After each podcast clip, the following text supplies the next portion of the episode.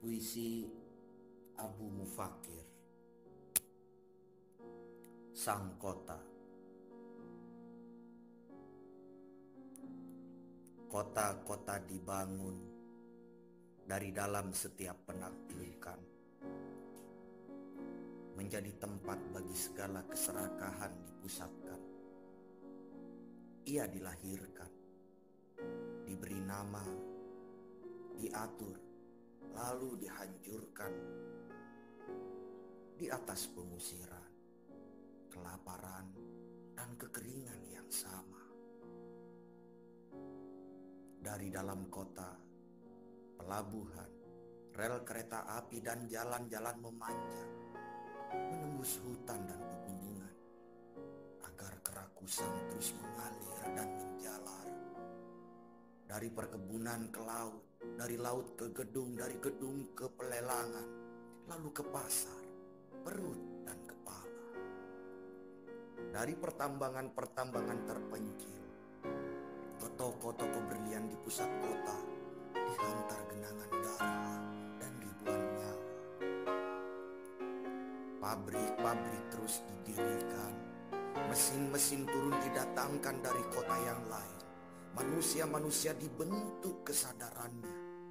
Mimpi-mimpi dijual di bank-bank besar dan buas.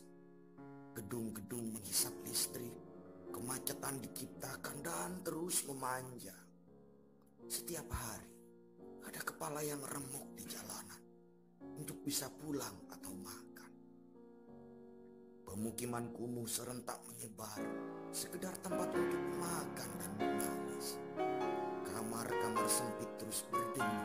tergusur, lalu kembali berdenyut. Kuman-kuman menyelinap ke kepala dan paru-paru yang robek.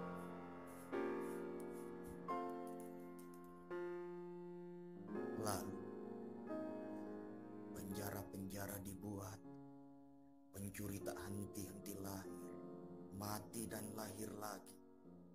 Hukum dan ketertiban dirumuskan, sementara kemiskinan semakin mengerang, menyebar seperti asap dari beribu-ribu sarangnya. Pengemis diusir, datang, diusir, dan datang lagi. Kesedihan terus mengalir dari kegelapan, merasuk ke dalam urat-urat kota itu sendiri. Memompa berjuta-juta galon air, menggerakkan turbin dan lampu-lampu apartemen. Lalu dilempar ke dalam sel yang kering. Di dalamnya, seorang ibu menangis, tertawa, dan menangis lagi. Mendengar kabar anaknya mati dibakar di perempatan jalan. Sesekali kesedihan bangkit menjadi amuk dan pukulan linggis. Toko-toko yang dijarah, perkosaan di jalanan, menembak gelap mayat-mayat yang tergenang di trotoar.